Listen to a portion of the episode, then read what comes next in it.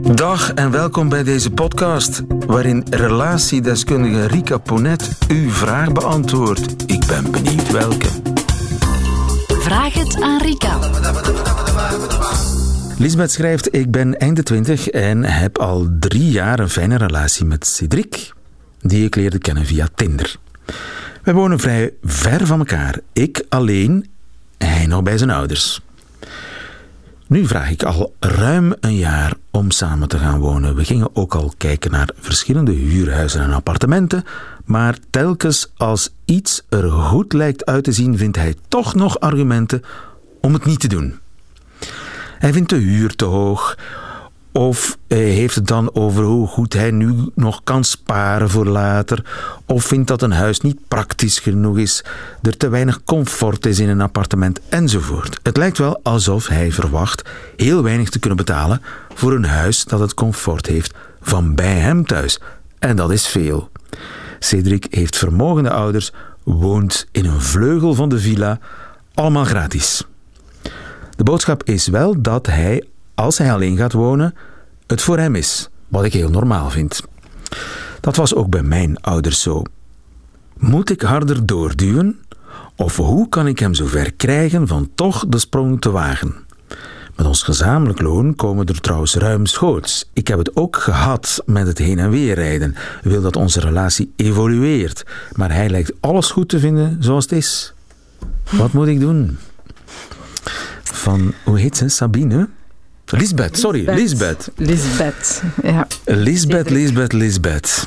En Cedric, Cedric, Cedric. Cedric, ja. Want ik denk, hij wil eigenlijk helemaal niet samenwonen. Eh, i- ja, ehm, is ook mijn gevoel. En dat is wat, Eh, hij ook, wat zij ook stiekem weet. Nee? Goh, eh, Hij ik, is aan het denk, uitkijken naar iets beters. ik denk... Goh, dat weet ik nog niet eens. Ehm, ik denk dat eh, Cedric op dit moment het leven van een prins leidt. Ja, zal wel. Dat is zeker. Hè? Villa, vleugel. Villa, vleugel, Gratis. gratis. Mama die allicht nog de wasplas kookpot doet. Een vriendin komt af en toe op bezoek. En een vriendin die af en toe op bezoek komt en dan voor die behoeftes eh, er is. Ehm, Prima zo. Prima zo. Anderzijds, ja... ehm, Je wilt toch met je vriendin gaan samenwonen? Je wilt Ja. toch zelf iets nieuws beginnen? Toch? eh, ja, Oh. eh, zeker. En ehm, het feit, allee, ik denk dat dat ook bij iedereen leeft, hè, het verlangen naar een vorm van autonomie. Hoe want, oud eh, is Cedric? Dat weten we niet natuurlijk. Eind, eind de twintig. Ah ja, eind de? 20. Ja. Eind de 20, 20. Cedric. Ja, eh, ja, maar ook die ouders, zeg. Ehm, want daar zit dan toch wel meestal het probleem. Je krijgt dit wel ook vaker als vraag in de praktijk. Ehm, op zich vind ik dat niet... Daar wordt vaak heel devaluerend over gesproken ook. Over mensen die lang bij hun ouders blijven wonen. En ik wil ehm, dat toch ook even toelichten. Ik vind dat niet altijd een probleem. Het hangt er vooral van af op welke manier leef je nog samen met je ouders. Dat wordt bij ons in onze cultuur is het precies, ja, zodra je gaat werken moet je de deur uit en je moet alleen gaan wonen. En niet iedereen vindt dat erg fijn, alleen wonen. Sommige mensen vinden dat gewoon aangenaam van nog samen te leven, hè, met ouders, met broers, met zussen, met vrienden, co-housen. ehm, en niet alleen Dat was vroeger eigenlijk heel normaal, hè? dat bij normaal. ouders dat meerdere generaties bij elkaar bleven Ja. wonen op de een of andere manier. En dat, had, allee, dat, dat, zorgt emotioneel, gevoelsmatig, is dat, eh, heeft dat iets heel moois. En eh, werkt dat ook goed. Dus ik ehm, ga dat zeker niet problematiseren. Het punt is wel, op welke manier inderdaad leef je bij die ouders? Is dat als een kind van? Hè, want zo klinkt het hier. Hè, dat is de kleine prins die, ehm, die op alle mogelijke manieren, waar op alle mogelijke manieren eieren worden ondergelegd, eh, die wordt verzorgd, die gedraagt zich daar niet als een volwassene.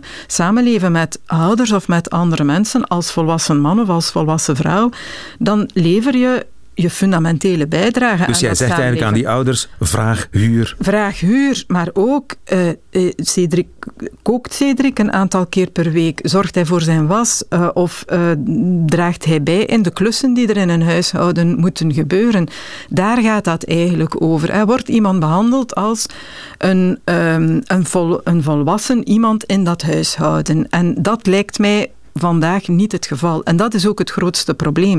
Niet zozeer, hij woont nog samen met zijn ouders, maar vooral, ehm, ja, die man is niet volwassen. een kind. Dat is een kind, ja, die zit nog veel te hard in die kind. Lisbeth, wil jij een kind? Ja, maar ja, het punt... eh, Ik denk dat Lisbeth een ultimatum gaat moeten stellen. En dat ze dat diep van binnen weet, maar dat ze dat eigenlijk niet durft. En waarom? Ehm, wat is belangrijk bij een ultimatum? Dat is dat je wat je als ultimatum stelt, Dat je het ook echt doet. dat je het ook echt doet, hè, lieve. Ah ja. Eh, dat wil zeggen, ik wil binnen zes maanden dat jij de beslissing neemt. En als Binnen je- zes maanden wonen we samen elders. Of hier stopt het Of voor hier mij. stopt het. Ja. En, en intrekken? Ook in die villa gaan? Ook in die vleugel gaan zitten? Is dat, is, zou dat een oplossing zijn? Je zegt net, ja, Oh. generaties bij elkaar wonen. Ja, eh, ik denk A dat dat, recipe for disaster. ja, ik denk dat dat in dit geval eh, niet zo'n goed idee is. Ja, ik denk dat eh, Cedric misschien zelfs wacht tot er een, eh, een huisplek naast zijn eh, moeder vrijkomt. Ja, zo, zo voelt het, dat wil je toch niet. Nee. Zo, zo begeleid ik ook koppels. Dat zijn rampen, echt waar. Ja. Dat Dus zijn- jij zegt ja, echt eh, ultimatum stellen. Een ultimatum stellen. En, Dat is wel heel eh, drastisch, hè? Dat is drastisch. Maar ehm, ja, ik denk dat Lisbeth ook moet nadenken.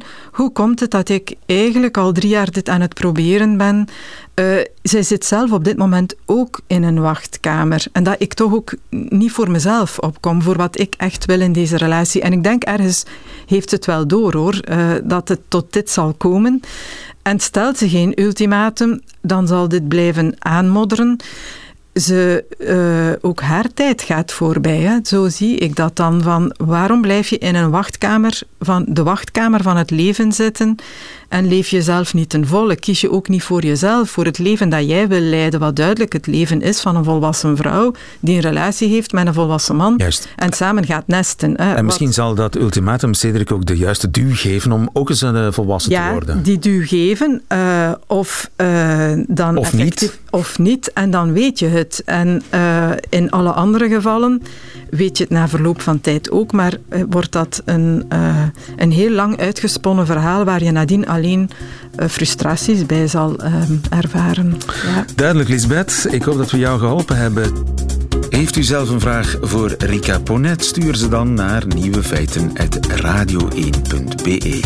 En wie weet hoort u het antwoord in een volgende podcast. Namen worden sowieso veranderd.